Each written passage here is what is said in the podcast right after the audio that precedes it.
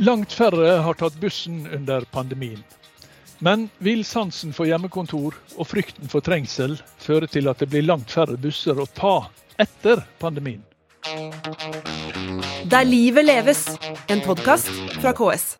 Hjertelig velkommen til ukas episode av KS-podden Der livet leves. Jeg heter Kjell Erik Saure.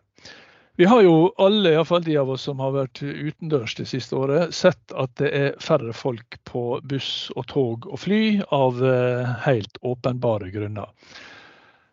Men når vi nå har holdt på med reiseråd og restriksjoner og hjemmekontor og sosial avstand i snart halvannet år, så har vi jo lagt oss til noen nye vaner. Og det er ikke nødvendigvis slik at alt blir som før pandemien, etter pandemien. På oppdrag fra KS så har Urbanet Analyse forsøkt å se inn i glasskula for å finne ut det som er mulig å finne ut om dette. Og Jeg har besøk av både Urbanet og KS i denne episoden. Og først til det, Bård Norheim, du har vært prosjektleder for dette prosjektet da i, eh, hos Urbanet. Hjertelig velkommen. Eh, du, rapporten dere har utarbeidet, den heter altså 'Langsiktige konsekvenser av pandemien'. Og jeg skal raskt legge til at den skal lanseres og presenteres og kommenteres på en langt mer inngående måte enn vi får plass til i, i denne korte episoden. Eh, I et webinar den 19. mai klokka halv ni 08.30. Så gå inn på ks.no og sjekk kalenderen den 19. mai, så får du vite mer om det. Men altså, Bård Norheim. Dere har hatt ganske kort tid på å lage denne rapporten. Og selv om dere understreker at eh, både prognoser og vurderinger og, og alt er prega av betydelig usikkerhet, så trekker jo dere noen ganske tydelige konklusjoner. Og Før vi kommer til dem, så vil jeg høre, kan du si litt om hvordan dere har jobba for å finne ut av dette? Ja, nå skal det sies at eh, hvis vi ikke hadde hatt noen eh, prosjekter og rapporter i forkant, så, så hadde vi nok ikke levert tilbud på denne jobben heller. Fordi, fordi det var en eh, veldig kort frist, og, og, og vi har hatt flere typer analyser i forkant. Så, så, det startet egentlig med for ca. Ja, drøyt år siden, hvor vi tok en runde til kollektivselskapene og sa at ja, men hva skjer etter pandemien? Hva er egentlig de langsiktige effektene? Og der, Det gjorde at vi hadde fire byområder som vi har gjennomført en ganske stor spørreundersøkelse med, med flere tusen intervjuer av personer. Eh, og sånt. Så, så, så, Det er den ene delen. Og så har vi i tillegg hatt to oppdrag for Samferdselsdepartementet som ser på finansiering og takster og sånn, som er en annen bit av dette her. Så vi, jeg opplever at vi setter sammen ulike biter, men på da den viktige tingen som er hva så? Ikke bare sette seg ned og tenke jo, det er nedgang i kollektivtransporten, men det er like mye å tenke ja, men hva skal man gjøre med, med det? Og Det er det som er den store utfordringen. Ja, så selv om her er usikkerhet, så er ikke dette basert på ren synsing. altså Her ligger en del, eh, en del materiale i bånn her. Ja, ja, Det er viktig å si da, at vi, vi, kjører jo de modellanalysene som, som, også gjøres innenfor NTP og, og andre sammenhenger i de forskjellige byområdene. Så Vi spør noen direkte, men, men det er kanskje like viktig den delen som går på hvordan trengsel i seg selv påvirker folks reiser. Da. Eh, mm. Og så kan det være andre områder som vi ikke har sett på. at eh, Folk går jo tur nesten hver eneste dag. Veldig mye. Mm. Kanskje folk etter hvert blir mer vant til å gå, sykle til og fra jobb osv. Som vi ikke har tatt med i denne sammenhengen. Så, Nettopp. Så det, mm. det, men eh, la oss komme til konklusjonene, da. Altså, dere, dere eh, skriver at vi kan forvente en nedgang Eh, på 10-15 færre kollektivreiser da, under, eh, altså etter pandemien. Hvorfor kan vi det? Altså, hvorfor skal disse endringene under pandemien er jo åpenbare, men hvorfor skal den være varige? Hvorfor blir den varige? Jo, jeg tror den ene grunnen er akkurat det som vi sitter og ser på nå når vi sitter på Teams. At ja. det er blitt mye mer vanlig å kunne ha møter på Teams. Det er blitt mer akseptabelt å sitte på og ha hyttemøter. Du kan dra dagen før opp til hytta, og har du blir akseptert at du sitter og jobber på den måten. Og folk har blitt vant til å, å jobbe sånn. Så hjemmekontor kommer nok til å, å, fortsette. Ikke sånn at du sitter hjemme et halvt år som du har gjort nå, men du kommer til å være et par dager i uka som du kanskje mm. sitter hjemme for å få fred og gjøre litt mer effektive, effektive ting. Så, så, det, så, det, er den ene delen. Selv om jeg tror at eh, når Raymond og andre nå åpner opp, så tror jeg det er mange som gleder seg til å komme tilbake til kontoret. Så det er ikke mm. det at de skal slutte å være på kontoret, men, men litt av og til. Mm. Det kan vi andre, Ja. Vær så god, bare fortsett. Ja. Nei, og Den andre delen er det rett og slett at det, fokuset på smitte på kollektivtransporten, rett og slett at det, én meter, to meters avstand, den gjelder jo strengt tatt for influensa, for alle mulige andre typer sykdommer også. Så de som er litt engstelige for å bli syk, de har blitt påminnet nå i halvannet år at dette her er mye basiller og mye ting på kollektivtransporten. Så, så jeg tror at folk, eh, de, de, to tingene det kommer til å skje. Og så er det selvfølgelig en usikkerhet hvor sterkt det kommer ja. til å være. Det, det, det, skal man si. Så en grunn er rett og slett at det blir eh, ikke bare færre, kollektivreiser, men færre jobbreiser i det hele tatt. Ja. Eh, det forklarer vel da kanskje det, andre, en annen konklusjon dere har, da, nemlig at også bilbruken vil gå ned, men ikke like mye. Men 2-8 skriver dere. Eh, og, og det, det, skjer altså til tross for at dere også skriver at en del, av, en del av grunnen til at kollektivbruken går ned, er at folk kommer til å gå over til bil. Mm. Men ikke så mye altså at bilbruken vil øke. Nei. Og, og, Grunnen til det, det er at på den ene siden, og og det at bilbruken går ned, det er jo positivt i seg selv. Den delen som du kan si at eh, hjemmekontor kan være en fin tiltak for nullvekstmålet i de største byområdene. Ved at du liksom legger til rette for det. Kanskje Obos og andre boligaktører gjør at det kan være litt enklere for de som ikke har et eget rom eh, der de bor. Det er mange sånne tiltak. Men, men, men, så, så det, er, det, er, positivt i seg selv. Men samtidig så er det sånn at 90% eller 80-90% av de som slutter å reise kollektivt pga. trengsel, de går over til bil. Eh, og Det skyldes at det er de lange reisene som er mest utsatt i forhold til det. Om du tar én holdeplass eller to holdeplasser, så kan du akseptere det, og da har du gang-sykkel som alternativ. Men skal du til um, Tønsberg eller, eller, Drammen, eller et sånt, så sitter du i lengre strekning, og da er det bilen som er alternativet. Så, mm. så, så, så nedgangen uh, på kollektivtransporten de kommer til å begynne å kjøre bil i stor grad. Men eh, altså, det er jo et eh, uttalt og vedtatt mål. Eh, du, du har nevnt det, nullvekstmålet. Altså at veksten i, eh, i, persontransport i de store byområdene, hele veksten skal skje eh, med, med, med, gange, sykkel og kollektivtransport. Eh, og da null vekst i biltrafikken. Men betyr dette her at altså at nullvekstmålet nås på en måte like mye fordi at det, det, det, blir ikke noe økning i persontrafikken i det hele tatt? Ja, Det er en todelt effekt. Du kan si Den ene effekten hvert på kort sikt er at du, du, får en reduksjon i biltrafikken, og den reduksjonen kommer i rushtrafikken. Det er, liksom, og det er, den, ja. det er, den, problematiske delen. Og Det interessante her er jo at eh, de analysene vi gjorde av nullvekstmålet, det gjorde vi jo for KS for en, for en del år siden. For å se på liksom, hva koster mm. egentlig trafikkveksten. Og Der er det ikke på en måte all mulig slags biltrafikk. Det er biltrafikken i rushet som er problemet. Uh, og, og, og den, den, delen gjør at du Det er, det er positivt. Men, men uh, på lang sikt så er det bare en krusning. Hvis du ser 20 til 2030-2040, så må du også få en økning i kollektivtransporten for å dekke, dekke på en måte den trafikkveksten som, som ellers hadde blitt tatt med bil. Mm. Eh, altså En nedgang i kollektivtransporten da på, på 10-15% det vil jo føre til en klar nedgang i inntekter for, eh, for, for eh, som i stor grad vel er eid av fylkeskommunene. Eh, og dårligere inntekt kan jo veldig lett føre til færre avganger, som igjen kan føre til at færre bruker det, som igjen gir dårligere inntekter, som igjen gir færre avganger. Altså, eh, hvordan, eh, ja, var, det, var, det, Lenin som spurte? Hva, hva må gjøres? Hva, hvordan, skal du, hvordan, skal man sikre inntektene og en godt fungerende kollektivtransport når eh, trafikken går ned? Ja, det er, det er, veldig interessant. og Det er på en måte den neste, neste delen. her. Du, for det første så kan du risikere at du setter i gang en negativ spiral. Eh, ja. og I den rapporten så, så, viser vi til at du faktisk kan komme opp i en 20% nedgang i kollektivtransporten hvis du bare tar det med en flat kutt i kollektivtransporten. Enten kutt i tilbudet eller øke takstene.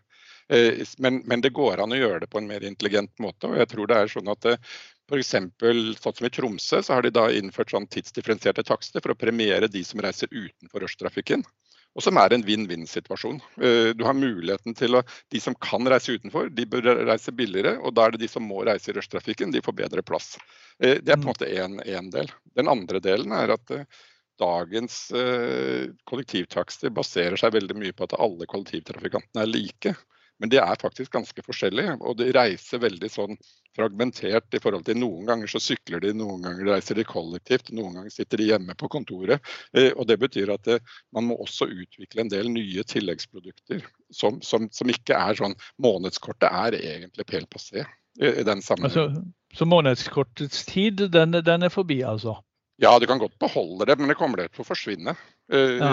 Rett og slett fordi månedskortet ble laget i en tid hvor du hadde papirbilletter og et bilde av deg selv på, på denne billetten, men, men, det er jo ingen annen grunn til at du skal ha et månedskort.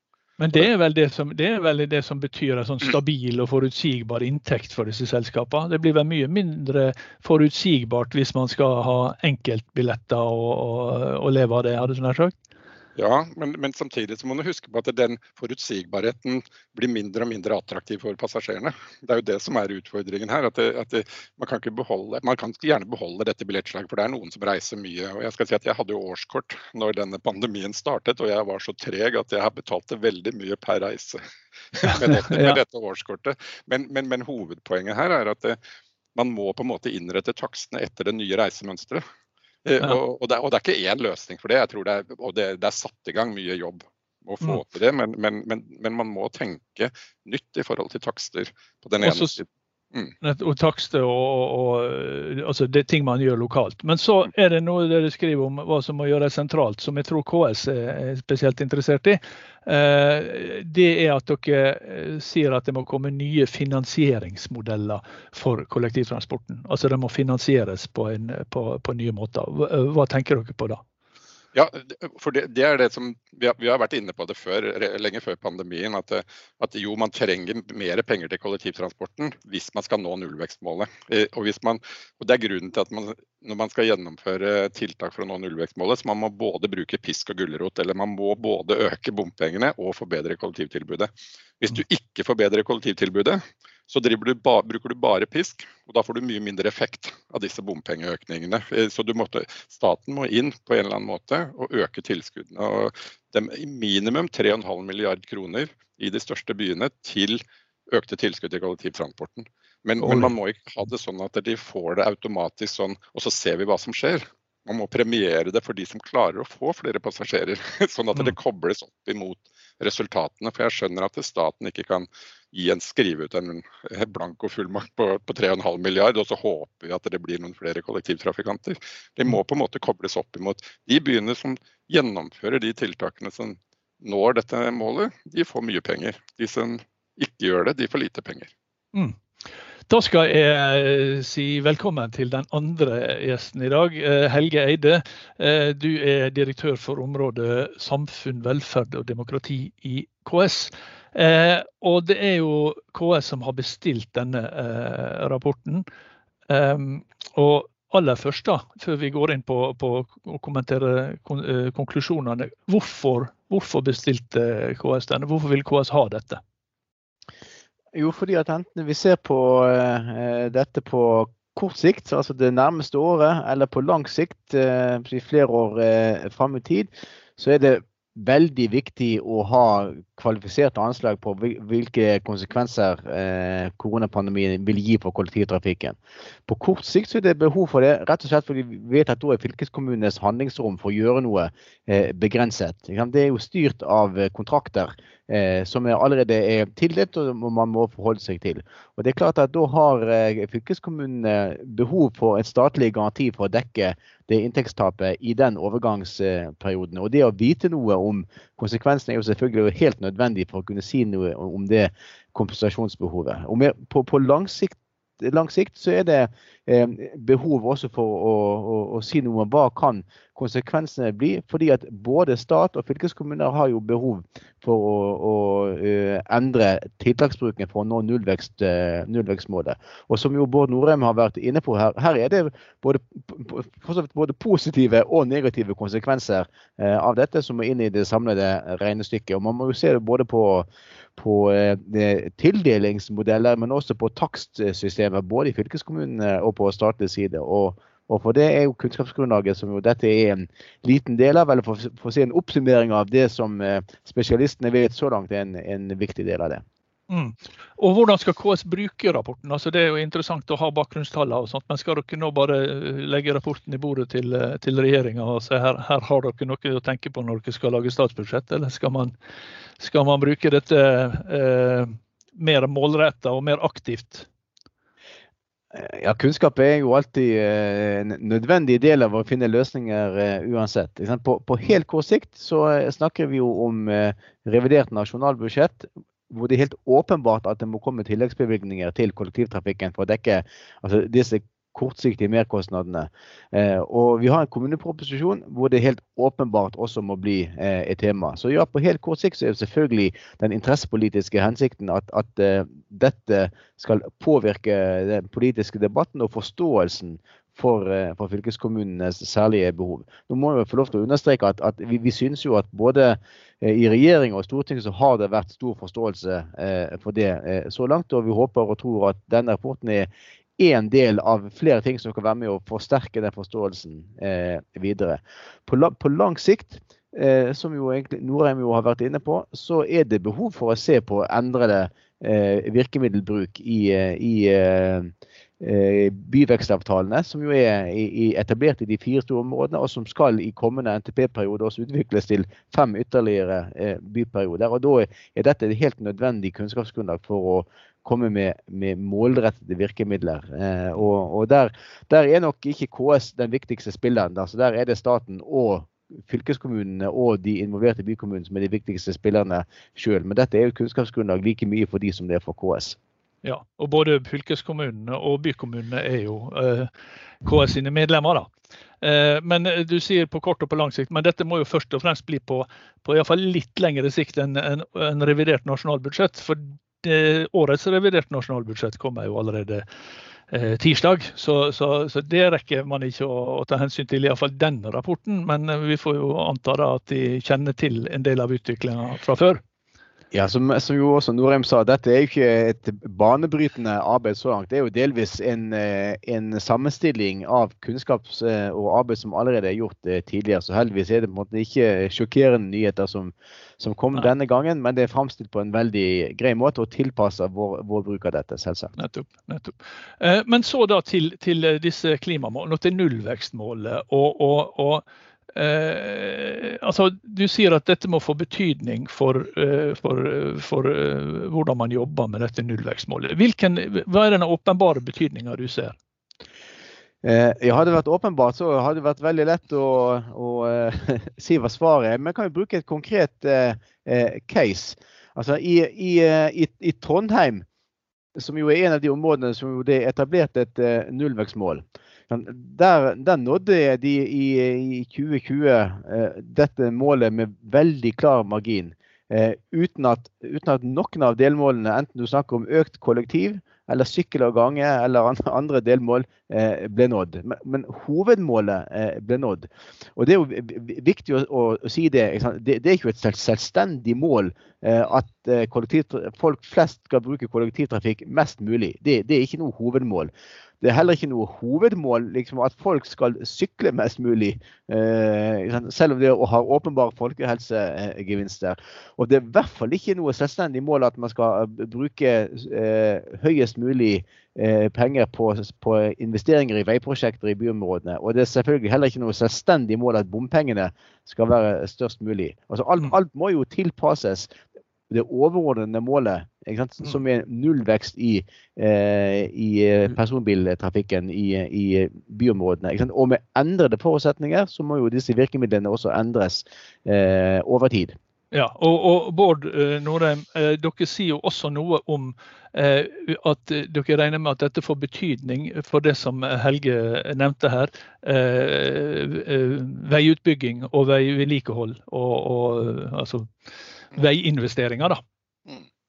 Ja, nei, Det er jo en av de tingene som, som, vi har sett på at det faktisk sparer penger. Ja, det er jo en del av, det er jo Da tok vi utgangspunkt i de analysene vi har gjort tidligere på hvor mye koster trafikkveksten med økt biltrafikk sammenlignet med, med kollektivtrafikk. Og, og, Det er 1,2 milliarder som vi regnet oss fram til at du, du, kan spare på veiinvesteringer. Det betyr jo ikke nødvendigvis at du kutter veiinvesteringer. Du lar være på en måte, du trenger ikke å ta den delen, som ellers ville ført til ganske mye økte køer hvis du, hvis du ikke gjør det. Så, så det, det, er en betydelig innsparing. Og så, tror jeg det er veldig viktig at det Helge Eide nevnte her, at det, at det er ikke økt kollektivtransport det er ikke noe selvstendig mål i seg selv. og jeg tror også at det, den pandemien kom i en periode hvor det også kom en del nye transportløsninger inn, eh, som, som, som, på en måte også vil ha betydning i forhold til reisemiddel, som ikke vi har sett så mye på her. Én eh, ting er elsparkesykkelen som alle snakker om, men, men elsykler, som er en, en, måte en helt ny transportform som Eller ikke helt ny, da, men, men i hvert fall sånn, som, som, også vil påvirke på en måte reisemiddelvalget, og folk reiser på litt forskjellige måter. og, og der er sånn som jeg syns det er en veldig fin måte å reise på. Men samtidig så er jeg så bekvem at hvis det regner veldig mye, så hopper jeg inn på kollektivtransporten. Så, så det er liksom at du varierer litt, eh, og jeg tror det blir ja. mer sånne type kombinasjoner etter hvert. Du er vel ganske representativ der. Mm. Eh, jeg skal si tusen takk til eh, Bård Norheim fra Urbanet Analyse og til Helge Eide fra KS. Og minne om altså at den rapporten som vi har snakka om nå, den blir presentert eh, i sin fulle bredde på et webinar den 19. mai. Og hvis dere går inn på ks.no, så finner dere alt om det. Eh, for det var det vi rakk i denne episoden av KS-podden Der livet leves. Vi er tilbake med en ny episode neste uke. Der livet leves, en podkast fra KS.